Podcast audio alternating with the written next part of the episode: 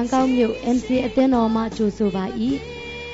ဤတရားစကားတော်သည် အသက်ရှင်သောကြောင့်သင်ဤဘဝတစ်ခုလုံးပြောင်းလဲပြီးကောင်းချီးဖြစ်မည်ဟုကျွန်ုပ်တို့ယုံကြည်မျှော်လင့်ပါ၏ဤတရားစကားအပြင်တန်ရှင်သောဝိညာဉ်တော်သင်အားစကားပြောပါစေသောဤတရားဟောချက်သည် စီးပွားရေးအဖြစ်မဟုတ်လျင်လက်ဆင့်ကန့်ကူးယူဖြန့်ဝေနိုင်ပါသည် အပတ်စဉ်တရားဟောချက်များခံယူလိုပါက mcatalent.com တွင်ဆက်သွယ်နိုင်ပါသည်ရှိလို့မဖြစ်တော့သာသမီများကျွဲကိုရောပေးချင်တဲ့နှုတ်ကတော်အလေးဖြစ်ပြီဘုရားခင်ရဲ့ကျေးဇူးတော်ကိုချီးမွမ်းပါတယ်လို့တဖန်ဒီမှာလာရောက်ပြီးတော့မှနှုတ်ကပတ်တော်ဝင်ငါခြင်းအခွင့်ကိုပြင်ဆင်တဲ့ဘုရားရှင်နာမဘုန်းကြီးပါစေဒီမှာအခွင့်ပေးတဲ့တရားဆရာများနဲ့တကွအတင်းတော်မှာရှိတဲ့ တင်းလူကြီးအားလုံးကိုလည်းအထူးကျေးဇူးတင်တဲ့ဆိုတဲ့အကြောင်းပြောပြစေလို့ဒီကနေ့ကျွန်တော်ခရစ်စမတ်အချိန်ခါသမယဖြစ်တော့ကြောင့်ခရစ်စမတ်နဲ့ဆက်ဆိုင်တဲ့နှုတ်ကပတ်တော်လေးကိုကျွန်တော်ဝေငှဖို့ပြင်ဆင်ထားပါတယ်။ကျွန်ရွေးချယ်ထားတဲ့ခေါင်းစဉ်ကကပ္ပကြီးမားဆုံးပေကံချင်းဆိုတဲ့ခေါင်းစဉ်ကျွန်တော်ပေးထားတာဖြစ်ပါတယ်။ကပ္ပအကြီးမားဆုံးပေကံချင်းကဘာကြီးမှာပေးတဲ့သူတွေအများကြီးရှိတယ်။ စားစရာလိုလို့စားစရာပေးတဲ့လူရှိတယ်ဝတ်စရာမရှိလို့ဝတ်စရာပေးတဲ့လူရှိတယ်နေစရာမရှိလို့နေစရာပေးတဲ့သူရှိတယ်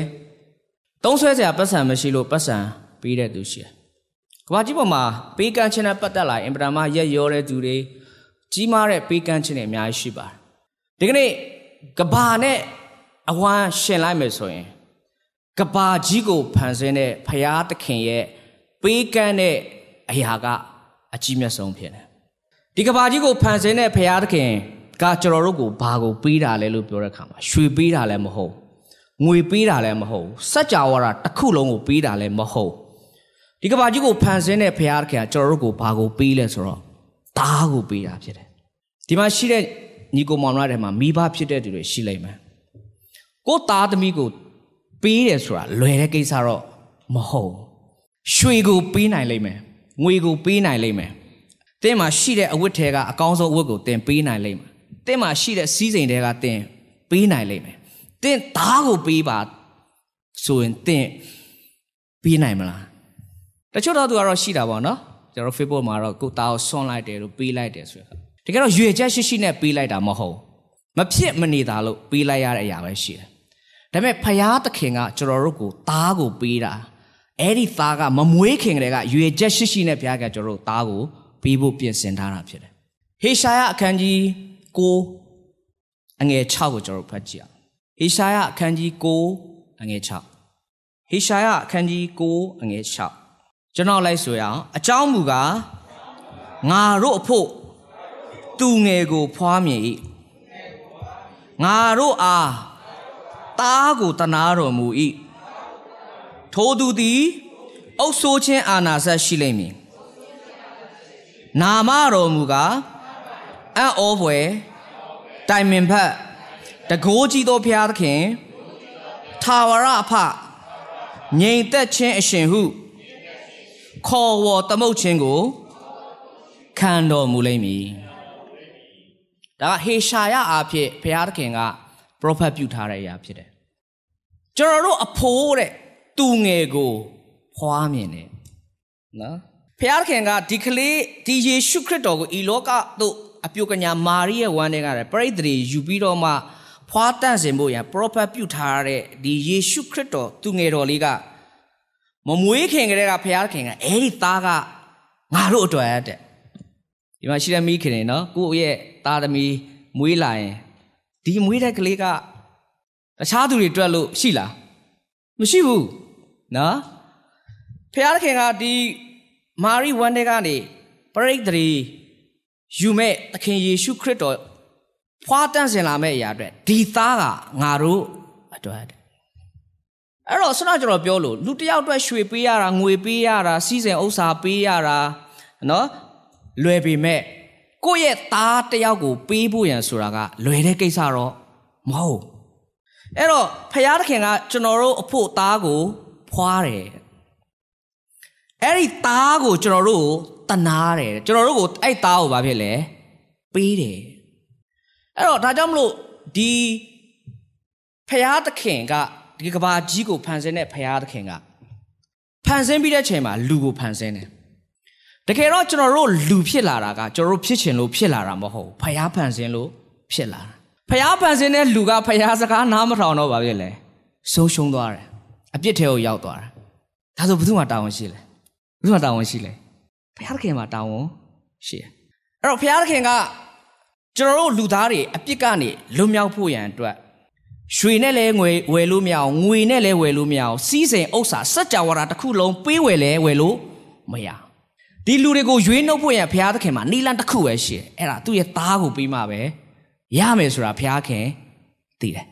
တခြားနီလန်မရှိဘူးဒီနီလန်တစ်ခုပဲရှိတယ်တကယ်တော့ဘုရားသခင်ကမိမိနဲ့ရော36မှာမိမိနဲ့တဘာဒီတော်သားတော်ကိုစွန့်တယ်တနည်းအားဖြင့်ပေးတာကျွန်တော်တို့ကိုဘာဖြစ်လဲပေးလိုက်တာဒါဆိုလို့ရှိရင်ဖျားသခင်ကကျွန်တော်တို့ကိုရွှေလည်းမပေးဘူးငွေလည်းမပေးဘူးဖျားသခင်အတွက်ဖျားသခင်ကကျွန်တော်တို့ကိုပေးတဲ့အရာကသားကိုပေးတာဖြစ်တယ်အဲ့တော့ အဲ့တော့အဲ့တော့ယေရှုခရစ်တော်ဒီဟုသောသားတော်ကိုကျွန်တော်တို့ကိုတကယ်တော့ပေးတယ်ဆိုတာကထိုက်တန်မှုတစ်ခုရှိမှပဲပေးလို့ရတာလေတကယ်တော့ဖျားသခင်ကကျွန်တော်တို့ကိုရွှေပေးငွေပေးစัจ java တစ်ခုလုံးပေးတာမဟုတ်ဘဲနဲ့သားကိုပေးတယ်ဆိုတော့တကယ်တမ်းဆိုရင်ပေးချင်စရာကောင်းလားမကောင်းဘူး ကျွန်တော်တို့ကပေးတယ်ဆိုရင်ကျွန်တော်တို့အပေါ်မှာကောင်းမှပေးတာလေကျွန်တော်တို့အပေါ်မှာယေရှုရှိမှပေးတာလေဟုတ်တယ်လားကျွန်တော်တို့ယေရှုပြုတဲ့သူရှိမှပဲယေရှုပြုတာလေပေးချင်တဲ့စိတ်ရှိမှပဲပေးတာလေအဲ့ဖခင်သခင်ကအကဘာလောကကြီးကိုဖျားခင်ကကြည်လိုက်တဲ့အခါမှာတကယ်တမ်းကြလို့ရှင်ဖျားသခင်ကသားကိုပေးဖို့ကျွန်တော်မထိုက်တန်ပါဘူးတကယ်ကျွန်တော်ကအတုံးမရတဲ့သူတွေပါစိုးညစ်တဲ့သူတွေပါကျမ်းစာထဲမှာ တီကောင်လို့တော့ခိုင်းနိုင်တာဖြစ်တယ်ဝိုးရွာကဲ့သို့ခိုင်းနိုင်တာဖြစ်တယ်စိုးရုပ်တဲ့သူတွေပါဒါပေမဲ့ဘာဖြစ်လို့ဖျားခင်ကျွန်တော်တို့ကိုသားကိုပေးရတာလဲနော်ဒီမနေ့မှာဆရာထုံးမြဝေငှသွားပြီယော3:16ဖျားခင်သည်မိမိ၌တပါးဒီတော်သားတော်ကိုစွန့်တော်မူသည့်တိုင်လောကီသားတော်ကိုချစ်တယ်တခုပဲဖျားအတွက်အဖြစ်ငါမျိုးချစ်လို့ ပေးတာဖြစ်တယ်အာမင်ဖျားခင်ကြီးမှာအကြောင်းပြချက်ဘာမှမရှိဘူးငါမျိုးပေးတာငါမျိုးချစ်လို့ပေးတာအဲ့တော့ကျွန်တော်တို့ဒီအပြစ်ကနေလွတ်ဖို့ရန်အတွက်ကိုယ့်ရဲ့ကိုချင်းတရားကုသိုလ်ကောင်းမှုနော်ဝိနည်းထုံးဖွဲ့တွေနဲ့ပြည့်ညတ်တရား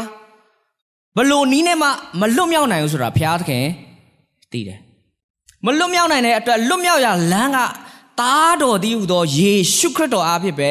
လွတ်မယ်ဆိုတာဘုရားခင်သိတော်ကြောင့်မိမိ၌တပါးဒီတော်သားတော်ကိုစွန့်ပြီးတော့မှကျွန်တော်တို့ပေးလိုက်တယ်ကျွန်တော်တို့ချစ်တော်ညီကိုမောင်တို့ဘုရားသခင်ကကျွန်တော်တို့ကိုဘာဖြစ်လဲသားကိုပေးတယ်စနကျွန်တော်ပြောလို့ကျွန်တော်တို့ကအာတိုင်အင်းဝအားဖြင့်ကျွန်တော်လူသားအားမျိုးနဲ့တစ်ခုလုံးကအပြစ်ထဲကိုရောက်သွားတယ်ကျွန်တော်ဘုရားသခင်နားမထောင်ချင်အပြစ်ထဲရောက်သွားပြီမယ်ကျွန်တော်ပြန်ယုံထွက်လို့လည်းမရဘူးယုံထွက်လို့လည်းမရ ကြိုးစားလို့လည်းမရဘူးချင့်ကြံလို့လည်းမရဘူးမိမိရဲ့ကောင်းမှုကုသိုလ်အားဖြင့်လည်းမရတဲ့အခါမှာဘုရားသခင်ကဒါဝန်ယူပေးတယ်ဘုရားခင်သိတယ်အဲ့တော့ဘုရားခင်ကတပါးရောသားတော်ကိုကျွန်တော်တို့ကိုတနာတယ်ကျွန်တော် Facebook တွေမှာကြည့်တဲ့အခါမှာတချို့ဒီလိုဗီဒီယိုခလစ်လေးတွေ့တယ်မျိုးသမီးတယောက်ကသူမွေးထားတဲ့ကလေးလေးကအဲ့လိုပါနော်ဟိုမစုံလင်ဘူး မွေးကလေးကအားနေချက်တွေရှိလာတဲ့အခါမှာသူများကမေးတာအင်တာဗျူးတာအခုခေတ်ကဘိုက်ထဲမှာကလေးကကိုအင်ကမချုပ်ယွင်းဘူးအားနေတယ်ဆိုရင်ဖြတ်ချလို့ရတဲ့ခေတ်ဒီခေတ်ကနော်ဟိုကျွန်တော်တို့ကလေးယူတဲ့အခါမှာလဲဆရာဝန်ကအသက်ဘယ်လောက်ရှိပြီလဲမေးတယ်အသက်ကြီးမှရတယ်ဆိုတော့ကလေးကအင်္ဂါမစုံမလင်ဖြစ်တတ်တယ်နော်ဆိုတော့ကျွန်တော်တို့သွားပြီးတော့မှစေယုံတစ်ခုမှသွားစစ်ခိုင်းတယ်ကျွန်တော်ကမစစ်ဘူး သူကတော့မစုံမလင်ဖြစ်တယ်ဆိုရင်ဖျက်ချခိုင်းမလို့ကျွန်တော်ဖះကိုရယုံကြည်ပြီးတော့မှဆူတောင်းတယ်စုံလင်တဲ့သမီးကိုဖះခဲ့လှပစွာပြင်ဆင်ပေးတယ်အဲ့တော့အဲ့တော့အလူကခအဲ့ဒီအမျိုးသမီးကိုမေးတယ်ဒီကလေးကဘိုက်ထဲမှာရှိနေတဲ့အခါမှာအဲ့လိုမျိုးဖြစ်နေတာကိုတီးတီးရတာနဲ့ဘာလို့မဖျက်ချလိုက်တာလဲတဲ့အဲ့ဒီအမျိုးသမီးဖြေတဲ့မေးကိုကျွန်တော်ရမ်းကြိုက်တယ်ငါတို့ဘဝတဲကိုတဲ့သူကရွေးချယ်ပြီးရောက်လာတာမဟုတ်ဘူးတဲ့ ငါတို့လင်မယားနှစ်ယောက်ကတိုင်ပင်ပြီးတော့မှငါတို့ခလေးယူရအောင်လို့ငါတို့ကငါတို့ဘဝတဲကိုသူ့ဘာဖြစ်လဲဆွဲခေါ်ခဲ့တာတဲ့သူရွေးချယ်ခဲ့တာမဟုတ်ဘူးတဲ့ငါတို့ကသူ့လိုဘာဖြစ်လဲရွေးချယ်ခဲ့တာဖြစ်တဲ့အတွက်ဖြစ်တဲ့အရာတွေအားလုံးငါတို့မှာတာဝန်ရှိတယ်ဒီလိုမျိုးမစုံမလင်ဖြစ်တယ်ဆိုရင်လည်းငါတို့မှာတာဝန်ရှိတယ်ငါတို့ရှေ့ဆက်သူအသက်ရှင်နေတခြားလုံးငါတို့တာဝန်ယူသွားဖို့ငါတို့မိခင်ဖခင်မှာတာဝန်အပြည့်ရှိတယ်အားအဲ့ဒါကြည့်တော့အောက်မှာလိုက်ပေးတဲ့သူအသေးပေးတဲ့သူအားလုံးကသူ့ကိုရေးလဲ ချီကျူးကြတာကျွန်တော်ကြည့်ပြီးတော့အဲ့စိတ်တဘောလေးအရာနှစ်သက်ထို့နည်းသူဆိုပဲဖခင်သခင်ကလည်းကျွန်တော်တို့အာရနဲ့အင်းဝါကြောင့်ဖခင်သခင်ကတကယ်တော့ကျွန်တော်တို့ကကျွန်တော်တို့ကဖြစ်ချင်လို့လူဖြစ်ချင်လို့လူဖြစ်လာတာမဟုတ်ဘူးဖခင်သခင်ကျွန်တော်တို့ဘာဖြစ်လဲဖန်ဆင်းလို့ကျွန်တော်တို့ကလူဖြစ်ခွင့်ရတယ်ဒါပေမဲ့ဘုရားခင်ကမစားရဆိုတဲ့အတီးကိုစားပြီးတဲ့အခါမှာကျွန်တော်တို့ပြစ်ထဲရောက်သွားတယ်ဘယ်လိုယုံထွက်ရမလဲဘာဖြစ်လဲမသိဘူးယုံထွက်စ조사လို့လည်းမရအောင်အဲ့ဘာလို့မှတာဝန်ရှိလာတယ် ဘုရားသခင်မှာတာဝန်ရှိတယ်ဒါဘုရားသခင်ကမဖြစ်ဘူးငါဖန်ဆင်းတဲ့လူသားတွေအပြစ်ကနေလွတ်ဖို့ရန်အတွက်ငါမှတခြားရွေးချယ်စရာလမ်းမရှိဘူးရွှေနဲ့လည်းရွေးလို့မရဘူးငွေနဲ့လည်းရွေးလို့မရဘူးစัจ java နဲ့ရွေးလို့မရဘူးဒါဘာဒီတော့သားတော်ယေရှုခရစ်တော်ရဲ့အသွေးတော်နဲ့ရွေးနှုံမှပဲရတယ်ဆိုတာဖယားသိတယ်အဲ့တော့ဖယားကသားကိုကျွန်တော်တို့ကိုပေးလိုက်တာဖြစ်တယ်တော့ခရစ်မတ်ဆိုတာကဖယားတခင်က ဒီသားတော်တကဘာလုံးဖယားတခင်က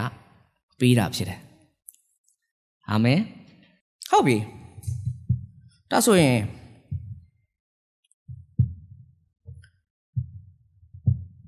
သားကို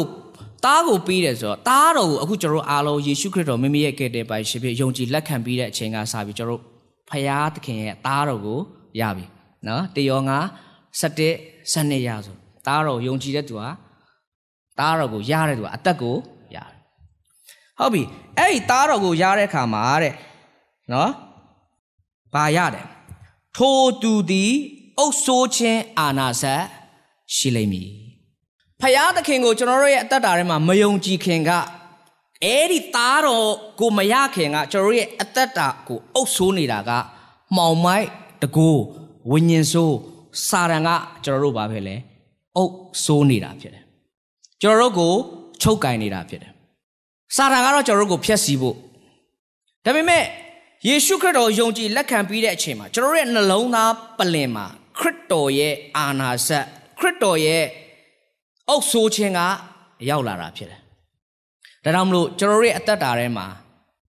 အုပ်ဆိုးသူပြောင်းသွားတာဖြစ်တယ်။တော့ဖျားသားဖြစ်တဲ့သူကအောင်မြင်တယ်ဆိုတာအုပ်ဆိုးတဲ့သူပြောင်းသွားလို့အောင်မြင်တာဖြစ်တယ်။ ဖျားကိုမယုံကြည်ခင်ကကျွန်တော်တို့အုပ်ဆိုးနေတာကနတ်ဆိုးစာတန်ဖြစ်တယ်။ဒီနေ့ဖျားကိုယုံကြည်ပြီးတဲ့အခါမှာကျွန်တော်ရဲ့အသက်တာရဲ့နှလုံးသားပလင်မှာအုပ်ဆိုးလာတာကတန်ရှင်သောဝိညာဉ်တော်ဒီဟူသောယေရှုခရစ်တော်ဖြစ်တယ်။အာမင်။အခွင့်အာနာဆက်နဲ့ကျွန်တော်နှလုံးသားပလင်မှာဘယင်အနေနဲ့ဗာဖြစ်လဲစိုးဆန်တာဖြစ်တယ်။ဒါတော့ဆနာတချင်းလဲနော်ကျွန်တော်နှလုံးသားမှာဗာဖြစ်လဲကင်းဝတ်ပါကြွပါနေရာယူပါကျွန်တော်ရဲ့အသက်တာကိုအုပ်ဆိုးပါ နော်ကျွန်တော်ခရစ်တော်ခေါ်ပေးလက်ခံတဲ့အခါမှာဒီလိုပဲကျွန်တော်နှလုံးသားမှာနေရာယူပါကျွန်တော်အသက်တာကိုအုပ်ဆိုးပါအဲ့တော့ခရစ်တော်ကကျွန်တော်ရဲ့အသက်တာကိုအရှင်သခင်အနေနဲ့အုပ်ဆိုးပြီးတော့မှရောက်ရှိလာတဲ့အခါမှာနေဘာတွေဖြစ်လဲဆိုရင်စပ်ပတ်ကြည့်အောင်နာမတော်မူကားအံ့ဩပွယ်နာမတော်မူကားအံ့ဩပွယ်ယေရှုခရစ်တော်ကိုရတဲ့အခါမှာအသက်တာထဲမှာအံ့ဩစရာတွေဖြစ်လာတယ်ထို့တနည်းအားဖြင့်အင်္ဂလိပ်လိုကတော့ wonderful လို့ခေါ်တာ နော်ချီးမွမ်းစရာတနည်းအားဖြင့်အဲနှစ်သက်ပျော်ရွှင်စရာအံ့ဩစရာတွေဖြစ်လာတယ်ဒါကြောင့်မလို့ကျွန်တော်ရဲ့အသက်တာကိုပြန်ပြီးတော့မှเนาะကျွန်တော်တို့ရဲ့မိသားစုတွေလည်းကောင်းကျွန်တော်တို့ရဲ့အတိုင်းဝိုင်းတဲ့သူတွေတော့လည်းကောင်းကျွန်တော်တို့ပြန်မြင်တဲ့အခါမှာကျွန်တော်တို့အံ့ဩတာအထူးသဖြင့်ကျွန်တော်နဲ့၃လထင်တာတက်တဲ့လူကျွန်တော်အံ့ဩတာနော်မင်းပုံစံကအမှုတော်ဆောင်ဖြစ်မယ်လို့ငါတို့ထင်ကိုမထင်ခဲ့ဘူးမင်းပုံစံက ဒီလိုဘဝအတ္တတာထဲမှာဒီလိုဖြစ်လာလိမ့်မယ်လို့ငါတို့မထင်ဘူးကျွန်တော်လည်းပြန်ပြောတယ်ကျွန်တော်လည်းမထင်ဘူးကျွန်တော်ပုံစံဒီလိုမျိုးဖြစ်မယ်လို့ကျွန်တော်တစ်ခါမှလည်းအိမ်မက်လည်းမမတ်ခဲ့ဘူးစိတ်လည်းမကူးခဲ့ဘူးကျွန်တော်2010မှာပြောင်းလဲတယ်2010ကနေအခု2020 12နှစ်တာကာလကိုကျွန်တော်ပြန်လှည့်ကြည့်လိုက်ကျွန်တော်တော်တော်အံ့ဩတယ်ကျွန်တော်လှုပ်တဲ့ခြေရလက်ရတစ်ခုမှမရှိဘူး ဖျားသခင်ရဲ့လက်တော်အားဖြင့်ခရစ်တော်ရဲ့အုပ်ဆိုးခြင်းအားဖြင့်ဖြစ်ပေါ်လာတဲ့လှပခြင်းတွေချီးမွမ်းခြင်းတွေကောင်းမြတ်ခြင်းတွေဒီຢာတွေမြင်တွေ့ရတာဖြစ်တယ်အဲ့တော့ခရစ်တော်ကိုမရခင်မှာကျွန်တော်ရဲ့အသက်တာရဲ့အခြေအနေကိုပြန်ကြည့်လိုက်တဲ့အခါမှာချီးမွမ်းစရာမရှိဘူးစိတ်ပြက်စရာတွေပဲတော့ကျွန်တော်မေးမယ်ဆိုရင်ခရစ်တော်ကိုမယုံကြည်ခင်ဘဝအသက်တာနဲ့ခရစ်တော်ကိုယုံကြည်လက်ခံပြီးတဲ့ဘဝအသက်တာသားကိုရခဲ့တဲ့အသက်တာနဲ့ ဘုရားသခင်ရဲ့သားတော်ကိုမရခင်တုန်းကဘဝအသက်တာဘယ်ဟာကပို့ပြီးတော့မှဂျေနဲ့အံ့ဩစရာကောင်းလဲဆိုရင်ယေရှုခရစ်တော်ကိုရခြင်းကဂျေနဲ့အားရစရာအံ့ဩဖွယ်ရာကောင်းတာဖြစ်တယ်အာမင်ဒါတော့ဘုရားသားသမီးဖြစ်တော်ကြောင့်ကျွန်တော်ရဲ့အသက်တာထဲမှာအံ့ဩစရာတွေဖြစ်နေတာမဆန်းအံ့ဩစရာတွေနေ့တိုင်းဖြစ်ခွင့်ရှိတယ်အံ့ဩစရာတွေနေ့တိုင်းအသက်တာထဲမှာမြင်တွေ့ခွင့်ရှိတယ်ဘာကြောင့်လဲအဲ့ဒီအံ့ဩပွေသောအရှင်ကကျွန်တော်နဲ့အတူ ရှိတော်ကြောင့်ဖြစ်တယ်နောက်တစ်ခုကဘာဖြစ်လဲတိုင်မင်ဘတ်တိုင်မင်ဘတ်ဆိုတာတနည်းအားဖြင့်နိုင်ငံတစ်နိုင်ငံမှာအတိုင်ပင်ခံဆိုတာရှိတယ်ကျွန်တော်ကျမ်းစာထဲမှာဆိုတာအတိုင်ပင်ခံအမတ်တွေဆိုတာရှိတယ်စစ်မှုပြုမယ်ဆိုရင်နော်တိုင်ပင်ရတယ်ကောင်းမွန်တဲ့တိုင်ပင်ခြင်းကိုရတဲ့အခါမှာစစ်မှုကောင်းတယ်ကောင်းမွန်တဲ့တိုင်ပင်ဘက်ကိုမပေးတဲ့အခါမှာဆုံးရှုံးတဲ့အရာတွေရှိတယ်ဒါတော့ကျွန်တော်နိုင်ငံမှာဆိုလဲအတိုင်ပင်ခံဆိုတာရှိတယ်ဘယ်နိုင်ငံမှာဖြစ်ဖြစ်ရှိတယ်နော်ကျမ်းစာထဲမှာလည်း ဣသရေလရှင်ဘီရင်တွေထဲမှာတိုင်ပင်ခံအမတ်တွေဆိုတာရှိတယ်အဲ့တော့ကျွန်တော်ရဲ့အသက်တာထဲမှာယေရှုခရစ်တော်ကအတိုင်ပင်ခံပုဂ္ဂိုလ်တဦးအနေနဲ့ကျွန်တော်ရဲ့အသက်တာထဲမှာရှိလာတာဖြစ်တယ်အဲ့ဒီယေရှုခရစ်တော်ဆိုတဲ့အတိုင်ပင်ခံပုဂ္ဂိုလ်တော်မြတ်မှာစုံလင်တဲ့ပညာတရားအလုံးစုံရှိတယ်ဒါကြောင့်သူကကျွန်တော်ရဲ့ဘဝတွေကိုအကောင်းဆုံးလမ်းပြနိုင်တယ်ကျွန်တော်ရဲ့အိမ်ထောင်ရေးလားကျွန်တော်ရဲ့စီးပွားရေးလား ကျွန်တော်ရဲ့နေ့စဉ်ဒူဝတွေ့ကြုံနေရတဲ့ဘလို့အခြေအနေမျိုးမှာပဲဖြစ်ဖြစ်အဲ့ဒီယေရှုခရစ်တော်မှာစုံလင်တဲ့ပညာတရားအားဖြင့်ကျွန်တော်တို့ကအမြဲတမ်းလမ်းပြတာဖြစ်တယ်။ဒါတော့ယေရှုခရစ်တော်ရရှိပြီးတဲ့အခါမှာအဲ့ဒီယေရှုခရစ်တော်ကကျွန်တော်တို့ရဲ့အတိုင်ပင်ခံဖြစ်လာဟုတ်ပြီနော်ဆိုတော့ကျွန်တော်တို့ရဲ့အသက်တာထဲမှာယေရှုခရစ်တော်ကအရှင်ဘုရင်အနေနဲ့အုပ်ဆိုးခြင်းအာဏာဆက်နေပါဖြစ်လေအုပ်ဆိုးလာတယ် အဲ့ဒီအခွင့်အာဏာနဲ့တူအံ့ဩပွဲလှပပွဲတင့်တယ်ခြင်းချီးမွမ်းခြင်းဒီနေ့အဖြစ်နှစ်သက်ပျော်ရွှင်စရာကောင်းတဲ့အသက်တာလေးကျွန်တော်ရဲ့အသက်တာမှာရရှိလာတာမကောက်ယေရှုခရစ်တော်ကျွန်တော်တို့ဘဝအသက်တာထဲမှာအတိုင်ပင်ခံဖြစ်လာတယ်ဒါကြောင့်မလို့ကျွန်တော်တို့မှာအကောင်းဆုံးတိုင်ပင်ဘက်ရှိတယ်ဘဝလောကရန်ထဲမှာရှောက်လန်းတဲ့အခါမှာကျွန်တော်တို့မှာအမြဲတမ်းအဖြေရှိတယ်ဘာကြောင့်လဲအဲ့ဒီအတိုင်ပင်ခံပုဂ္ဂိုလ်မှာစုံလင်တဲ့ပညာတရားရှိတယ် ဘုရားခင်ကဉာဏ်ပညာရဲ့အချုပ်ချာလို့လည်းပြောတာဖြစ်တယ်ဒါတော့ဘာမှစိတ်ပြက်စရာမလိုလောကီထဲမှာကျွန်တော်တို့ရှောက်လန့်တဲ့အခါမှာကျွန်တော်တို့ကလမ်းဆုံးရမယ့်သူတွေမဟုတ်ကျွန်တော်တို့ဘုရားသခင်စီမှာကောင်းမွန်တဲ့အဖြေတစ်ခုအမြဲတမ်းရှိနေတယ်ဒါကြောင့်မလို့ဘုရားသခင်ကထို့နာမတော်မူကအံ့ဩဖွယ်တိုင်ပင်ပန်းကျွန်တော်သဘောကျတယ်အဲ့ဒီအရာလေးနော်အော်ဘုရားခင်ရန်ကောင်းတယ်ဖယားသခင်ကျွန်တော်ရဲ့အသက်တာမှာရှိခြင်းကကျွန်တော်ဘဝကိုအမြဲတမ်း လမ်းပြအမြဲတမ်းကျွန်တော်ကိုတွန်းတင်တယ်ချက်ချင်းကျွန်တော်ရဲ့အသက်တာကနော်ဟိုရင့်ကျက်လာတာမဟုတ်ဘူးနော်ဖခင်ကကျွန်တော်တို့အမြဲတမ်းပြုပြင်ပေးတယ်ပုံသွင်းပေးတယ်ကျွန်တော်တို့ကအိုးမြေကိုတော်ကဘာဖြစ်လဲအိုးထိုင်ကျွန်တော်ရဲ့အသက်တာဖခင်ကအမြဲတမ်းစကားပြောတယ်ပြုပြင်ပေးတယ်ပုံသွင်းတယ်အဲ့ဒီအရာတွေထဲမှာကျွန်တော်ရဲ့အသက်တာထဲမှာကြည့်လိုက်တဲ့အခါမှာမင်းဆရာဘာတူလဲနော်မင်းဒီလိုမျိုးအမှုတွေကိုပြုတာ ဘလို့ပြုနေတာလဲယောဟန်နဲ့ပေတရုကိုတမန်တော်ဝတ္ထုမှာနော်အဲကမြို့သူမြို့သားတွေမေးတယ်ဒီလူတွေကအရင်တော့တာမညာသူတွေပါတဲ့ယောဟန်နဲ့ပေတရုမင်းတို့ကဒီလိုအံ့ဩပွေသောအရာတွေပြုနေတာမင်းတို့ကဘလို့လူတွေမို့လို့လဲမင်းတို့ဆရာကဘာသူမို့လို့လဲငါတို့ကအရင်တော့ကယေရှုနဲ့အတူ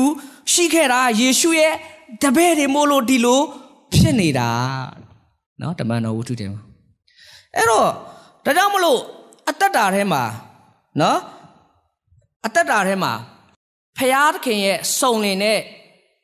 ဖရာသခင်ရဲ့ပညာတရားနဲ့ကျွန်တော်ရဲ့အသက်တာထဲမှာဖရာသခင်အမြဲတမ်းအုပ်ဆိုးလမ်းပြနေသောကြောင့်ကျွန်တော်တို့မှာနေ့ရက်တိုင်းမှာအဖြေရှိတာဖြစ်တယ်။ဟုတ်ပြီစက်ဖတ်ကြည့်မယ်ဆိုရင်တကိုးကြီးသောဖရာသခင်အဲ့ဒီယေရှုခရစ်တော်ကကျွန်တော်ရဲ့အသက်တာထဲမှာအဲ့ဒီသားတော်ကိုရတော့ကြောင့်ကျွန်တော်ရဲ့အသက်တာထဲမှာ အဲ့ဒီတကိုးကြီးသောဖရာသခင်ရဲ့လက်တော်ရဲ့မဆခြင်းကိုအမြဲတမ်းခံစားဖို့ရနေ့ရက်တိုင်းအခွင့်ရှိတာဖြစ်တယ်။ဒါတော့ဒါဝိဒ်ကဂေါလိယက်ကိုသွားတိုက်တဲ့အခါမှာမကြောက်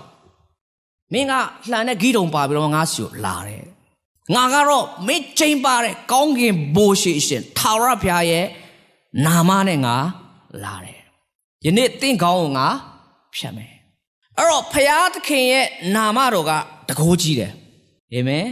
ပင်လေကိုလမ်းဖြစ်စေတယ်တေတော်သူကိုရှင်ပြန်ထမြောက်စေတယ်အပြုတ်ကညာရဲ့ဝမ်းထဲကနေပြိတ္တိကိုဆွဲစေတယ်အံ့ဩစရာကြီးနော်နေရင်ထိုင်ယောက်ျားတချို့ရှိရနော်ယောက်ျားတော့မလို့ချင်ဘူးတဲ့ခလေးတော့လိုချင်တယ်နော်မရဒါလူရဲ့နီးဥပရိသမှာမရပါနော်ယောက်ျားရှိမှပဲခလေးယူလို့ရတာဖြစ်တယ်ဒါပေမဲ့မာရိကအပြုတ်ကညာစစ်စစ်ကြီးကနေ ဖယားသခင်ရဲ့အံ့ဩဖွယ်သောတကူတော်အဖြစ်တန်ရှင်းသောဝိညာဉ်တော်အဖြစ်ပရိသတ်တွေကိုပါဖြစ်လေဆွဲစီတယ်နာမတော်မူကအေမာလွေလာအဲ့တော့ဆိုလိုတာကသခင်ယေရှုရဲ့တက်တော်စီတစ်လျှောက်လုံးကိုကြည်လိုက်တဲ့အခါခါတိုင်းမှာတကိုးကြီးသောဖခင်သခင်ရဲ့တက်တည်တွေပဲမြင်ရတာဖြစ်တယ်။ဒါတော့သင်ရဲ့တက်တာထဲမှာယေရှုခရစ်တော်ကိုရတော့ကြောင့်တကိုးကြီးသောဖခင်သခင်ရဲ့ကောင်းမြတ်ခြင်းနဲ့သင်ရဲ့တက်တာထဲမှာခံစားရတယ်။ အရင်ဆုံးကျွန်တော်တို့ဘာခံစားလဲအပြစ်ရဲ့တကိုးကိုအောင်နိုင်လာတာဖြစ်တယ်။အဲကျွန်တော်ပြောင်းလဲလာတဲ့အချိန်မှာကျွန်တော်ကအရင်ဆိုးတဲ့သူတယောက်ဖြစ်တယ်နော်ဆိုတော့ထုတ်တော့မပြောတော့ဘူးเนาะဘလို့လို့စူးလဲဆိုတော့ဒါပေမဲ့အခုကျွန်တော်ရဲ့အသက်တာကဖျားခင်ရဲ့တကိုးတော်အဖြစ်အဲဒီမကောင်းတဲ့အပြစ်ဒုစရိုက်တွေကိုကြော်လွားနိုင်တဲ့ခွန်အားအစွမ်းတကိုးကိုကျွန်တော်ကြီးစုတော်ကြောင့်ခံစားရတာ။စ조사လို့လည်းမဟုတ်ဘူးကြင်ကြံလို့လည်းမဟုတ်ဘူးအားထုတ်လို့လည်းမရဘူး။ အဲဒီရဲ့အပြစ်ရဲ့တကိုးကိုအောင်နိုင်တဲ့ယေရှုခရစ်တော်ရဲ့ကြီးမြတ်တဲ့တကိုးတော်ကြောင့်ဖြစ်တယ်။အာမင်။အဲ့တော့အဲ့တော့ဒါကြောင့်မလို့ဖရာသခင်ဤသားတော်ကိုရတဲ့သူရဲ့အသက်တာကအဲ့ဒီတကိုးကြီးသောကြီးမြတ်ခြင်းတွေမြင့်မြတ်ခြင်းတွေစွမ်းအားကြီးခြင်းတွေအင်အားကြီးခြင်းတွေကိုသင်ရတတ်တာထဲမှာခံစားရတာဖြစ်တယ်။ဘလောက်ကြီးတဲ့မုံတိုင်းပဲဖြစ်နေပါစေ။ဘလောက်ကြီးတဲ့လိုင်းလုံးပဲဖြစ်ပါစေ။ သခင်ယေရှုရဲ့နှုတ်တော်ထွက်အရှိမဝန်ခံရတာဖြစ်တယ်။လေနဲ့မုံတိုင်းကသခင်ယေရှုစကားကိုနားထောင်ပြီးတော့မှငြိမ်းသွားရတာဖြစ်တယ်ကျွန်တော်ဒီနော်လွန်ခဲ့တဲ့နှစ်တော်မမမီ2008လားမသိနော်ဆူနာမီလာတဲ့အချိန်မှာဖူးခက်မှာရှိသမျှသောမုံတိုင်းနဲ့လှိုင်းလုံးကအဲ့ဒီမှာရှိတဲ့တမျိုးလုံးဝါမျိုးဖျက်ဆီးပလိုက်တယ်ဒါလောက်ပြင်းထန်တဲ့မုံတိုင်း အလောက်အားကြီးတဲ့မုံတိုင်းကမ်းခြေတစ်ခုလုံးကိုဖျက်ဆီးပလိုက်တယ်အဲ့ဒီမုံတိုင်းရဲ့အထက်မှာရှိတဲ့ဖရားကိုကျွန်တော်ရထားတာဖြစ်တယ်အာမင်ဒါတော့မုံတိုင်းရဲ့အထက်မှာစိုးစံတဲ့ဖရားသခင်ကိုရထားရဲ့သားနဲ့ဘာလို့မုံတိုင်းကိုကြောက်မှာလဲမုံတိုင်းတဲ့ကြီးမြတ်တဲ့ဖရားပင်လေလှိုင်းလုံးတွေထက်ကြီးမြတ်တဲ့ခွန်အားကြီးသောဖရားသခင်ရဲ့တကိုးတော်ဒီသင်ရဲ့အထဲမှာရှိနေရတာနဲ့သင်ကဘယ်အရာကို ကြောက်ရမှာလဲဒါကြောင့်ရှင်ယောဟန်ပြောတယ်ငါတို့ဖတ်၌ဖရာသခင်ရှိတယ်ဆိုရင်ငါတို့တစ်ဖက်မှာဘသူရပ်နိုင်မလဲဒါကြောင့်ဒါဝိဒ်ကဂေါလျက်ကိုတိုက်တဲ့အခါမှာသူ့ရဲ့ခွန်အားနဲ့တိုက်တာမဟုတ်ဘူးဖရာသခင်ရဲ့ကြီးမြတ်ခြင်းနဲ့တကိုးကြီးခြင်းနဲ့ပါပဲလေတိုက်တာဖြစ်တယ်စဖတ်ကြည့်ရင်ထာဝရအဖာလောကထဲမှာအဖေတယောက်မရှိခြင်းရဲ့ မျက်နာငယ်မှုကအဖေမရှိတဲ့လူတိုင်းသိမှာပါအဖေတယောက်ရှိခြင်းရဲ့အရေးအာဝါဒနဲ့အဖေတယောက်ရှိခြင်းရဲ့အောင်မြင်မှုကိုလည်းအဖေတယောက်ရဲ့မေတ္တာကိုခံစားတဲ့သားသမီးတိုင်းသိမှာပါကျွန်တော်ရဲ့ရင်းနှီးတဲ့ဆရာမတယောက်ရှင်သူငငယ်လေးကသူ့ဖေဆုံးသွားတဲ့အခါမှာမိသားစုတွေကလည်းအမေရဲ့မောင်နှမနှစ်ယောက်ကလည်းအကုန်လုံးမိန်းကလေးတွေပဲအဖေမရှိတော့တဲ့ခါမှာညဆိုအရန်ကြောက်တယ်တဲ့အဲ့လိုနော် ဟိုဒစိမ့်များဝင်လာမလားဟိုမကောင်းတဲ့လူများဝင်ပြီးတော့မှလူမလားရိုက်မလားအဖေရှိတဲ့ခါမှာတော့ဗာဖြစ်လေဘလို့ပဲဖြစ်ယောက်ျားသားရှိတဲ့အတွက်အဖေရှိတဲ့အတွက်အဖေရှိခဲ့တဲ့ညတွေနေ့တွေမှာဆိုလုံခြုံတယ်လို့ခံစားရတယ်အဖေမရှိတော့တဲ့နေ့ရက်ကစပြီးညမိုးချုပ်9နာရီဆိုတကားမဖွင့်ရတော့ဘူးတဲ့သူပြောရရပါဩအဖေတယောက်ရှိခြင်းရဲ့ကောင်းမြတ်ခြင်းအရေးအဝါတာကဘလောက်ကောင်းလေတယ်လေကျွန်တော်ခံစားကြည့် တယ်တချို့သောသူတွေဆိုလို့ရှိရင်လေအဖေတယောက်ကပါမိသားစုတစ်ခုလုံးကိုပါဖြစ်လေစားဖို့နေဖို့ဝတ်ဖို့အစားအစာအရာရာတာဝန်ယူထားတာနော်ရုတ်တရက်အဖေကဆုံးသွားတဲ့အခါမှာအဲ့ဒီအိမ်တစ်ခုလုံးပြုတ်လဲသွားတာမျိုးကျွန်တော်တွေ့ဘူးလေဒီကညီကောင်မောင်တို့ကလည်းတွေ့ဘူးလိမ့်မယ်ဟာအဖေရှိစင်မှာတော့ချမ်းသာပြီးတော့မှနော်မျက်နာပွင့်လန်းပြီးတော့မှလူချစ်လူခင်ပေါ်များအဖေမရှိတော့တဲ့ခါမှာစီးပွားတွေအကုန်ပြတ်ပြီးတော့မှ သားသမီးတွေမိသားစုတွေဘဝပြတ်သွားတဲ့မိသားစုတွေကျွန်တော်တွေ့ဘူးလေကြားလဲကြားဘူးလေတော့ဖခင်တယောက်ရဲ့အိမ်တော်အိမ်ပေါ်မှာအုပ်ဆိုးခြင်းရှိခြင်းကဘလောက်ထိလုံခြုံလဲဘလောက်ထိစိတ်ချမှုရှိလဲဘလောက်ထိအဲမျက်နာရလဲဘလောက်ထိအဲကောင်းကြီးဖြစ်လဲဆိုတာအဖေရှိတဲ့သူတိုင်းနားလဲတာဖြစ်တယ်တချို့တော့သူဆိုလို့ရှိရင်ဒီချိန်မှာအဖေရှိရင်တိတ်ကောင်းမှာပဲဆိုတော့ပြန်လဲပါဖြစ်လဲ တောင်းတမိတယ်မျောလင့်မိတယ်ထို့နည်းတူစွာပဲလောကမှာရှိတဲ့ဖခင်တွေတောင်မှအဲလိုမျိုးကျွန်တော်တို့ရဲ့အသက်တာကိုဟိုးမွေးစားကပင်စားဖို့နေဖို့ဝတ်ဖို့ပြီးရင်ပညာအတက်တွေသင်ဖို့ပြီးရင်ဗာပဲနောက်ဆုံးအိမ်ထောင်ပြုတ်တဲ့အထိတာဝန်ယူရတယ်နောက်ဆုံးကလေးမွေးပြီးအဲ့ကလေးတော်ဘာလို့ပြန်လုပ်ပေးရလဲထိမ့်ပေးရတယ်ကျွန်တော်အမေကကျွန်တော်ပြောနော်နေကလေးမွေးပြီးရင်ငါစီပြန်မပို့လာနဲ့တော့ ဘာဖြစ်လို့လဲမို့ငါကလေး6ရောက်တော့မွေးထားတာတဲ့ငါထိမ့်လို့ဝပြီတဲ့ငါစီတော့ပြန်မပို့လာနဲ့တဲ့ကလေးတယောက်ထိမ့်ရတာဘာဖြစ်လဲလွယ်တဲ့ကိစ္စမဟုတ်ဘူးနော်အကျွန်တော်မိရပြက်ပြက်ပဲနော်ငါအသက်ကြီးလာရင်ငါမထိန်နိုင်ဘူးနိကလေးတကောနဲ့ငါဒူးနာကားနာနဲ့နော်မပို့လာနဲ့ဆိုတာသူကကြိုပြောထားတယ်ကျွန်တော်လည်းမပို့ပါဘူးနော်သူကတော့အိုးအိမ်အောင်မကြခင်ကကြိုမာထားတာပို့လာမှာဆိုလို့အဲ့တော့အဲ့တော့မိသားစုရဲ့ဘဝအသက်တာထဲမှာ ဟိုးမွေးစားကပဲဘယ်ထိတော့တာဝန်ယူရတယ်မိဘတယောက်ဆိုတာဟိုးမြည်ရတဲ့ထိပါဖြစ်လေတာဝန်ယူရတယ်ဒါဆိုတချို့ဆိုမြည်ကြောင်းကြိုကြောင်းပို့တော်ထိပါဖြစ်လေလို့ရတာဒါဖခင်တယောက်ရဲ့မေတ္တာရဲ့ကောင်းချီးမင်္ဂလာဖြစ်တယ်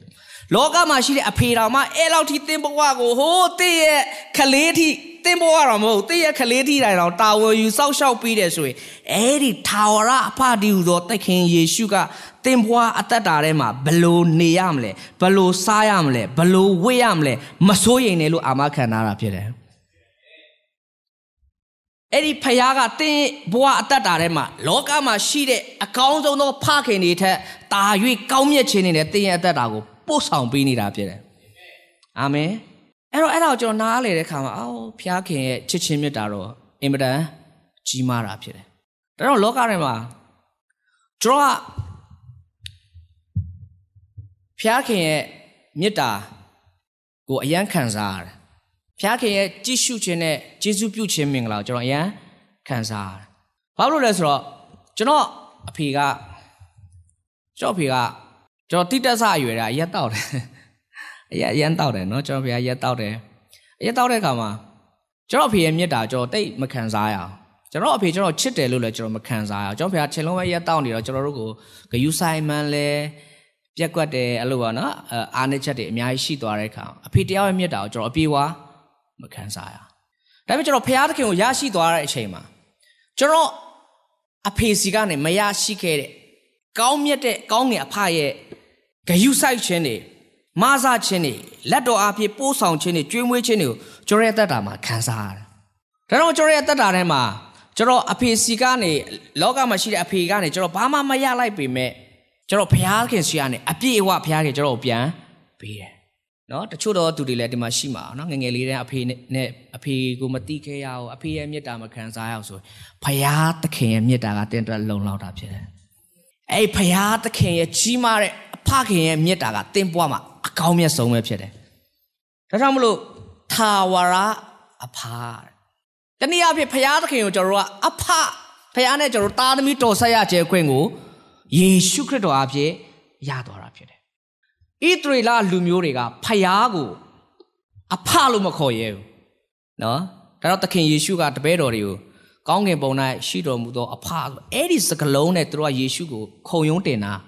ဣသရေလလူမျိုးဖယားသခင်ကိုဗာပြည့်လဲအဖေလို့ခေါ်လို့ယေရှုကိုရေးလဲသူတို့ကဗာပြည့်လဲစိတ်ဆိုးတာအဲ့တော့အဲ့တော့ဒီကနေ့ယေရှုခရစ်တော်အားဖြင့်ကျွန်တော်တို့ကဖယားသခင်နဲ့ဗာပြည့်လဲအာဘာအဖသားသမီးတော်ဆက်ရခြင်းခွင့်ကိုရတယ်ဒါကြောင့်မလို့ဆက်ပြီးတော့မှအဲ့ဒီဖဖယားသခင်ရဲ့ကြီးမြတ်တဲ့မေတ္တာတရားအားဖြင့်ကျွန်တော်ရဲ့အသက်တာမှာနေ့ရက်တိုင်းလုံခြုံနေတာဖြစ်တယ်ကျွန်တော်တခါဇက်လန်တစ်ခုကြည့်တယ် မောင်တို့နှစ်ယောက်ရှိတယ်အဲ့ဒီရုပ်ရှင်ဇက်လန်ကနည်းနည်းတော့ကျွန်တော်တော့ဟိုတိတ်နည်းနည်းတော့မှတ်မိတယ်ဘယ်လိုလဲဆိုတော့ तू က အကောင်တကောင်ရှိတယ်အဲ့ဒီအကောင်မမြင်ရအောင် तू ကတွေးဆိုးဖုတ်ကောင်လိုမျိုးလူတယောက်ယောက်ကအတန်ပြုတ်လိုက်တဲ့ဆိုရင်အဲ့ဒီအတန်ရှိတဲ့လူနောက်ကိုလိုက်ပြီးတော့ तू ကကိုက်စားပလိုက်တာအဲ့တော့ဖြစ်ချင်တော့သူတို့မိသားစုတစုလုံးကိုအဲ့ဒီအကောင်ကဝိုင်းထားတာနောက်ဆုံးတော့သူတို့မိသားစုက တကွဲတပြားဖြစ်သွားတယ်အဲ့ဒီအဲ့ဒီအကောင်နောက်ဆက်ပြီးတော့မှအဲ့လိုသူကအတန်တိတ်တိတ်လေးနဲ့သွားရတယ်ရှောင်ရတယ်ပုံရတယ်အဲ့ဒီတိုက်ခိုက်မဲ့အဲ့ဒီ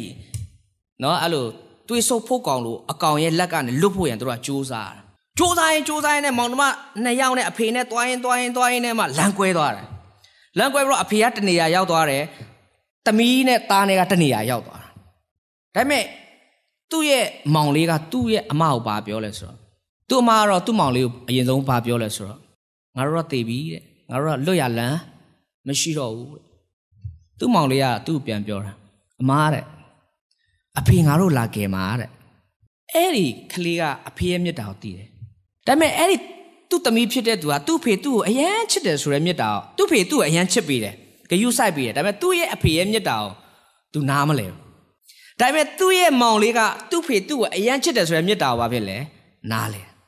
အဲ့ဒီအချိန်မှာအဲ့သမီးလေးကသူ့အဖေကိုသူဘယ်လိုမြင်လဲဆိုတော့ငါတို့ဒီလိုဒုက္ခရောက်တဲ့အချိန်မှာအဖေလာကယ်မှာမဟုတ်ဘူးတဲ့အဖေလည်းကိုလွတ်ရုံးမှာပဲပေါ့ငါတို့အသက်နဲ့ယဉ်ပြီးတော့မှလာကယ်မှာမဟုတ်ဘူးတဲ့ဒါပေမဲ့အဲ့ဒီကောင်လေးကသူ့မောင်လေးကပါပြောဆိုတာမယုံရင်ကြီးတဲ့အဖေကငါတို့ကိုချစ်တယ်တဲ့လာဟုတ်ကယ်မှာတဲ့တကယ်ပဲအဲ့ဒီဇလန်မှာသူ့အဖေကပြန်လာကယ်နောက်ဆုံးတော့အဲ့ဒီအကောင်နဲ့သူတို့တိုက်ခိုက်ရင်တိုက်ခိုက်ရင်နဲ့မှာနောက်ဆုံးအဲ့ဒီသူ့အဖေနဲ့အဲ့ဒီအကောင်နဲ့ တိုက်ရင်နဲ့မှာအဲ့ဒီအကောင်လဲတည်တယ်အဲ့ဒီနော်သူစုပ်ဖို့ကောင်ဆိုတဲ့အကောင်လဲတည်တယ်သူ့ဖေလည်းတည်သွားတယ်သူ့ဖေတည်သွားတဲ့အချိန်မှာအဲ့ကလေးမလေးကသူ့ဖေငါ့ကိုငါဖေငါ့ကိုတကယ်ချစ်ပါလားဆိုတာ तू နားလဲသွားတယ်ဒါပေမဲ့ तू အဲ့ချိန်မှာနောက်ကျသွားတယ်နော်ဆိုလိုချင်တာကဆိုလိုချင်တာကဖရာသခင်ကလောကမှာရှိတဲ့ဖခင်တွေထက်ကျွန်တော်တို့ကိုချစ်တာဖြစ်တယ်ဘာလို့ထိချစ်လဲတပါးဒီတော့သားတော်ကိုစွန့်တော်မူသည့်တောင်လောကီသားကိုဖျားခဲ့ပါပဲလေချစ်တာဖြစ်တယ် ချစ်ချင်စရာလည်းမကောင်းချစ်စရာရုပ်လည်းမရှိဘူးချစ်ချင်စရာတကွက်ပြအောင်ဆိုလဲတကွက်တောင်မရှိဘူးတစိမ့်ပြအောင်ဆိုရင်တစိမ့်တောင်မရှိဘူးတပုံပြဆိုရင်လည်းမှန်ဘလူးနဲ့ရှာတော့မတွေ့ဘူးအဲ့လိုလူမျိုးကိုဘုရားတကယ်တပါးဒီတော့သားတော်စွန့်ပြီးတော့မှကျွန်တော်တို့ပေးတာဖြစ်တယ်ဒါကြောင့်မလို့ကျွန်တော်တို့ဘာမှအားငယ်စရာမလိုဘုရားတခင်ကကျွန်တော်ရဲ့အဖဖြစ်တယ်ကျွန်တော်ကဘုရားတခင်ရဲ့သားသမီးဖြစ်တော့ကြောင့်ဘုရားတခင်ကျွန်တော်တို့ကိုချစ်တာဖြစ်တယ် တော့တင်တွေ့ကြုံနေရတဲ့အမှုအရေးအရာကိစ္စဘုရားတခင်သိတယ်ဘုရားတခင်သိတယ်တင်တော့ဘလို့ဝတ်ရမလဲဘလို့စားရမလဲဘလို့နေရမလဲငါသိတယ်မစိုးရင်နဲ့ဘုရားခင်တာဝန်ယူလိုက်မယ်ဘုရားခင်ဖြည့်ရှင်းပေးလိုက်မယ်ဘုရားသခင်ကလွှဲရင်အခြားနီလန်းမရှိဘူးဘာကြောင့်ကျွန်တော်ဘုရားသားသမီးဖြစ်တော်ကြောင့်ဖြစ်တယ်အဲ့တော့ဒါကြောင့်မလို့ချစ်တော်ညီကောကျွန်တော်လောကထဲမှာကျွန်တော်နေတဲ့အခါမှာကျွန်တော်တို့ကောင်းငယ်အဖရဲ့ကြီးမားတဲ့မေတ္တာနဲ့ကျွန်တော်တို့ကို လွှမ်းခြုံထားတာဖြစ်တယ်နေ့ရက်တိုင်းမှာလုံခြုံခြင်းရှိတယ်နေ့ရက်တိုင်းမှာမျက်နှာသာရှိတယ်နေ့ရက်တိုင်းမှာဘုရားရဲ့ဂျေဇုနဲ့ကောင်းမြတ်ခြင်းကမနဲ့မိုးလင်းလာတဲ့ဂယုဏတော်အစ်ကိုခံစားနေရတာဖြစ်တယ်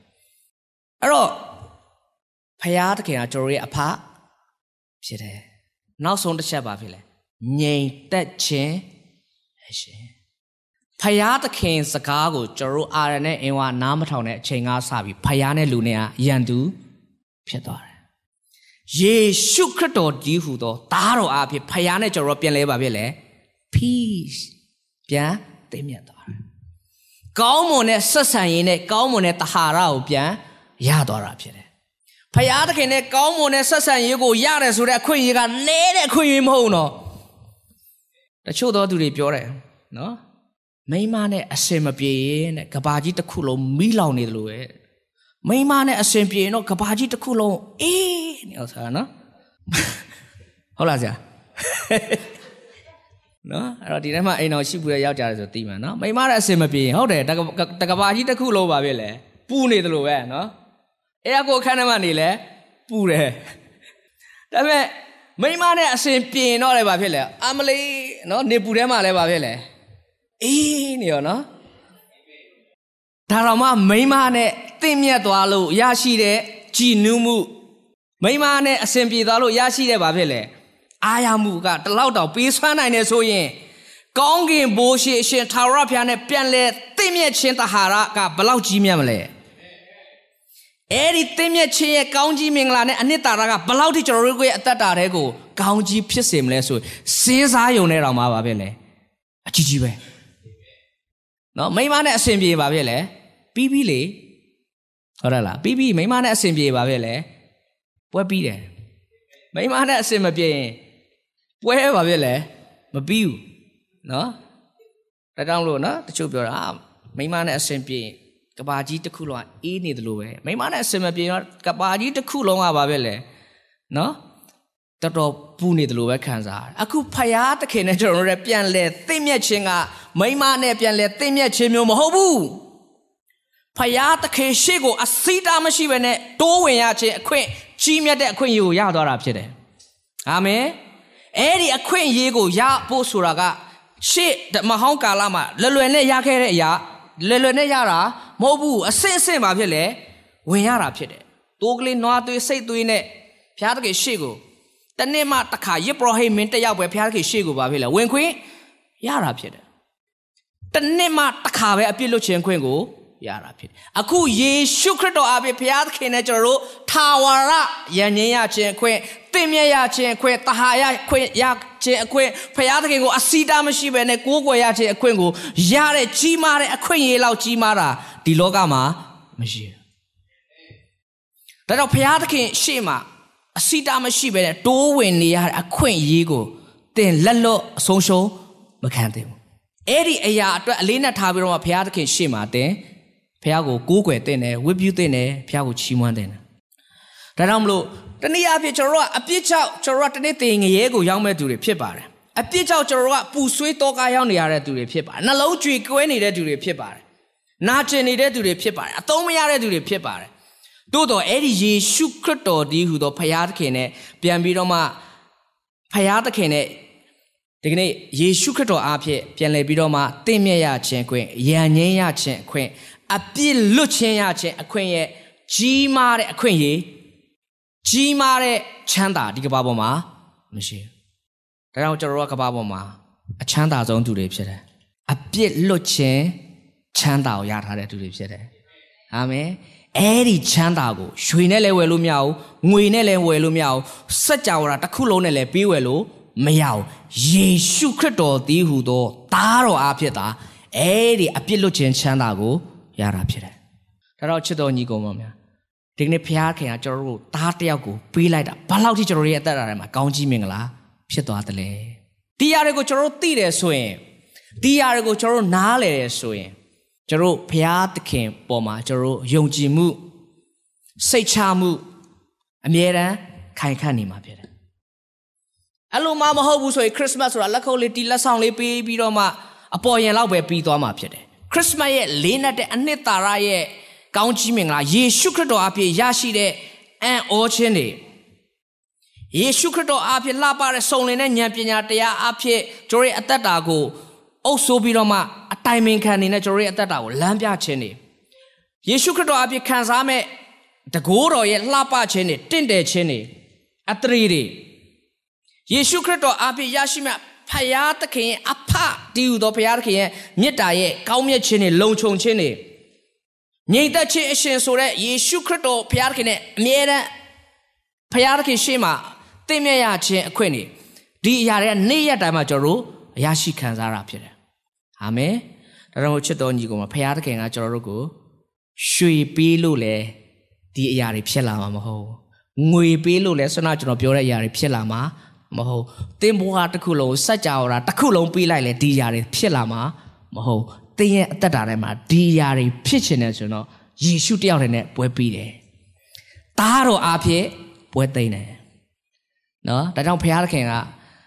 အလုတ်လို့ရင်ပွဲသိမ်းတဲ့အကွက်ပဲလုပ်တယ်။ နော်အောင်လာလို့ပေါ့ချုပ်ကွက်တကွက်နဲ့ပဲ။အဲ့တော့ဘုရားသခင်ရှိရှိဝေးမလို့သားတော်အားဖြင့်ပဲဘုရားပါဖြစ်လေ။တကွက်တည်းပဲဘုရားနော်ပွဲသိမ်းစာရန်ငုတ်တုံးပြီးသွားတယ်နော်စာရမထင်တာကို तू အယေရှုခရစ်တော်ကားတိုင်းပေါ်တင်သက်လိုက်ပါပြည့်လေပွဲပြီးသွားမယ်လို့ထင်တာသုံးရက်မြောက်တော်နေ့မှာယေရှုခရစ်တော်တည်ခြင်းကနေရှင်ပြန်ထမြောက်တဲ့အခါမှာစာရငုတ်တုတ်ပြီးသွားတယ်နတ်ဆိုးရဲ့တကူစာရရဲ့တကူရှိသမျှကိုယေရှုခရစ်တော်ကဖျက်ဆီးပြီးတော့မှ ဒီကနေ့အောင်ခြင်းခွင့်ကိုယေရှုခရစ်တော်အားဖြင့်ကျွန်တော်တို့ပြန်ပေးလာတာဖြစ်တယ်အဲ့ဒီဖရာသခင်ကိုရရှိပြီးတော့မှကျွန်တော်တို့ဘာကိုလောကထဲမှာအသက်ရှင်တဲ့အခါမှာသိငယ်နေရမှာလဲစိုးရင်နေရမှာလဲကြောကြောက်ရွံ့နေရမှာလဲအဲ့ဖခင်သခင်ရဲ့ကြီးမြတ်ခြင်းတွေကတင့်အထဲမှာတားတော်အပြည့်ရှိနေတာဖြစ်တယ်ယောမ8:30နဲ့တားတော်ယင်းကိုမနှမျောပဲစွန့်တဲ့ဘုရားကတားတော်နေတကွာခတ်သိမ်းသောအရာကိုတင်တို့အားမပေးပဲအဘယ်သို့နေတော်မူမည်နည်း တားတော်ကိုပေးလိုက်တာဘုရားအတွက်ကုန်သွားပြီတကဘာကြီးတစ်ခုလုံးကိုပေးလိုက်တာမဟုတ်ဘူးတားတော်ကိုပေးလိုက်တာအားလုံးကိုဘုရားသခင်ဘာဖြစ်လဲပေးလိုက်တာ ਨੇ အတူတူပဲစားဖို့နေဖို့ဝတ်ဖို့ဒီအရာတွေအတွက်ကျွန်တော်တို့ဘုရားသခင်ရှေ့မှာတိတ်ပြီးတော့မှအပန်းမကြီးတဲ့အရာတွေပဲယုံရဲဖို့ပဲလိုတယ်ဂရိတော်တွေကိုဆွဲလန်းရဲဖို့ပဲလိုတယ်စိတ်ချဖို့ပဲလိုတယ်ဒါတော့ချစ်တော်ညီကိုမှာကျွန်တော်တို့ကလောကထဲမှာကျွန်တော်နေတဲ့အခါမှာကျွန်တော်ရိုးရိုးလူတွေမဟုတ်ဘူးတားတော်ကိုရတဲ့သူတွေ ဒါတော့ပြောတာ Jesus is every everything ယေရှုခရစ်တော်ကအရာခတ်သိမ်းဖြစ်တယ်အာမင်ဒါကြောင့်မို့ယေရှုခရစ်တော်အပြင်အရာခတ်သိမ်းကိုပြုနိုင်တယ်အရာခတ်သိမ်းကိုတတ်နိုင်တယ်ဘုရားသခင်ကိုယုံမှုပဲလိုတာဖြစ်တယ်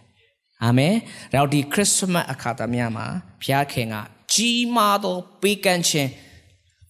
သားတော်ကိုကျွန်တော်ကိုပေးလိုက်တာဖြစ်တယ်မကုံသွား ယေရှုခရစ်တော်ကိုယုံကြည်လက်ခံလိုက်တဲ့အခါမှာအသက်တာထဲမှာမကုံဆုံးနိုင်တဲ့ကောင်းကြီးမင်္ဂလာရေတွက်လို့မကုံနိုင်တဲ့ကောင်းကြီးမင်္ဂလာကချီးမွမ်းစရာဖြစ်လာတာဖြစ်တယ်။ဒါကြောင့်ဘဝနေ့ရက်ကာလမှာယေရှုကိုယုံကြည်လက်ခံပြီးတော့သားတော်ကိုရရှိပြီးတော့မှအသက်တာရဲ့အနောက်ကိုပြန်လှည့်ကြည့်လိုက်တဲ့အခါခါတိုင်းမှာအမြဲတမ်းဖခင်ကိုကျေးဇူးတင်မိတယ်။အမြဲတမ်းဖခင်ကိုပို့ပို့ပြီးတော့တာရေးတိုးရေးချစ်မိလာတတ်တယ်။ ဒါကြောင့်မို့တက်တာထဲမှာကိုကိုကိုငါကဖခင်အချစ်ခံရဆုံးသူပါလားဆိုတဲ့ဖခင်ရဲ့မြတ်တာပို့ပို့နားလေလာတယ်။နော်ဒါတော့ဖခင်တကယ်တင့်ကိုချစ်တယ်ဆိုတာတင်ကောင်းကောင်းသိဖို့လိုတယ်။နော်တခါကျတချို့ဆိုသူဖခင်မြတ်တာကိုနားမလဲဘူးနော်ဆွနာသမီးလေးလို့ပေါ့နော်ရုပ်ရှင်အဖေသူ့ကိုဘလောက်ပဲကျေးဇူးပြုအဖေရဲ့မြတ်တာပါပဲလေနားမလဲ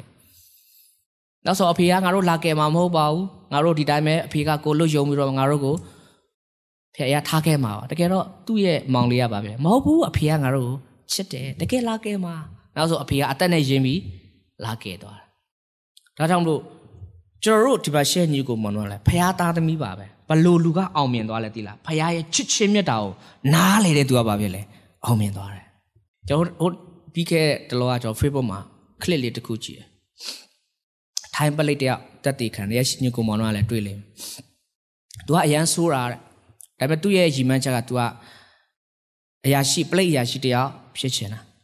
ဒါပေမဲ့သူကကျောင်းနေနေနေမှာအပေါင်းအသင်းမှာပြီးတော့မှနောက်ဆုံးတော့သူအပေါင်းအသင်းနေနေပဲပျော်ပါအလောင်းကစားတွေလုပ်မူးစီဝါတွေတုံးပြီးတော့မှနောက်ဆုံးအမေကကွတ်တီကိုရောက်နေအဲ့တော့ तू ကဆေးတွေတုံးမမရှိအမေစီမှာတောင်းနောက်ဆုံးအမေကမပေးရင်အမေကိုရိုက်အမေကသူ့ကိုဘာမှမပြောအမေကသူ့ကိုကောင်းမွန်စွာပဲသူ့ကိုတုတ်ပြန်တယ်သူ့ကိုချစ်ကြောင်းဝဲအမေကပြတယ် တရက်တော့သူကအဲ့ဒီမူရစီဝါကိစ္စမှုနဲ့သူအချုပ်ကြတာအချုပ်ကြတဲ့အခါမှာသူ့အနီးနားမှာရှိတဲ့တငယ်ချင်းတွေညီကိုမောင်နှမတွေတယောက်မှသူ့နားကိုဘာဖြစ်လဲမရောက်လာခဲ့အဲ့ချိန်မှာသူ့မေသူ့နားကိုရောက်လာ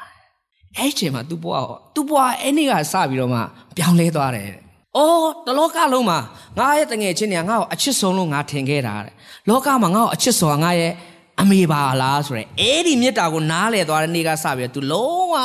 အမေဖြစ်ချင်တဲ့ အဲ့ဒီပလိတ်အရာရှိကြီးဖြစ်အောင် तू စူးစမ်းခဲ့တယ်ဆိုတဲ့အရာလေးကို तू ယုံကြည်သူတော့မဟုတ်ပေါ့နော်။ तू ဘွားရဲ့အသက်တာမှာအမေရဲ့မေတ္တာအဖြစ် तू ပြောင်းလဲခဲ့တယ်ဆိုတဲ့ तू ဘွားရဲ့အကြောင်းလေးကို तू तू ပြောတဲ့အရာကျွန်တော်ကြည့်နေတာဩဒီကနေ့လူတွေကိုပြောင်းလဲစေတာမေတ္တာပဲဖြစ်တယ်လူတွေကိုအောင်မြင်စေတာလည်းမေတ္တာပဲဖြစ်တယ်မေတ္တာမရှိရင်အချီးနှီးပဲဖခင်ရဲ့မေတ္တာကိုနားမလဲရင်အချီးနှီးပဲဖခင်ရဲ့ဖခင်ကကျွန်တော်တို့ကိုချစ်တယ်ဆိုတာကိုမယုံရဲရင်အချီးနှီးပဲ ဒီကနေ့ဖခင်ကကျွန်တော်တို့ကိုချစ်တယ်ဆိုတာကိုသိတဲ့သူကဘဝအသက်တာထဲမှာအောင်မြင်သွားတာဖြစ်တယ်ဖခင်ကကျွန်တော်တို့ကိုချစ်တယ်ဆိုတာကိုနားလေတဲ့သူကနေ့ရက်တိုင်းမှာအာမခံချက်ရှိတယ်လုံခြုံမှုရှိတယ်စိတ်ချမှုရှိတယ်ဒါတော့ချစ်တော်ညီကခရစ်စမတ်ကာလဆိုတော့ဖခင်ကကျွန်တော်တို့ကိုသူ့ရဲ့အချစ်တွေကိုအကုန်လုံးသွန်လောင်းပေးလိုက်တာဖြစ်တယ်ဒါကဘာပေါ်မှာတင်းလောက်အချစ်ခံရတဲ့သူမရှိဘူးဘေးကလူကြည့်ပြောကဘာပေါ်ကတင်းအချစ်ခံရဆုံးလို့ပြောရအောင် အဖေချစ်တာမဟုတ်ဘူးအမေချစ်တာမဟုတ်ဘူးကောင်းကင်အဖကပါပဲလေအချစ်ခံရတဲ့သူဖြစ်တယ်ဘယ်လောက်ထိချစ်လဲတဘာဒီတော့သားတော်စွန့်တော်မူသည့်တာကျွန်တော်အားလုံးကိုချစ်တယ်အဲ့ဒီကြီးမားတဲ့သားတော်အပြည့်ကျွန်တော်တို့ယေရှုပြုထားတဲ့အရာကနေ့ရက်တိုင်းမှာမင်္ဂလာရှိတယ်အဲဒါကစစ်မှန်တဲ့ခရစ်စမတ်ရဲ့အနှစ်သာရဖြစ်တယ်ဆိုတဲ့အရာလေးကိုဒီကနေ့ဝေငှခြင်းအဖြစ်ရောက်စီတိုင်းကိုလောကတော်အဖြစ်ဝေငှပါတယ်လို့ရောက်စီတိုင်းဖျားကောင်းချီးပေးပါစေ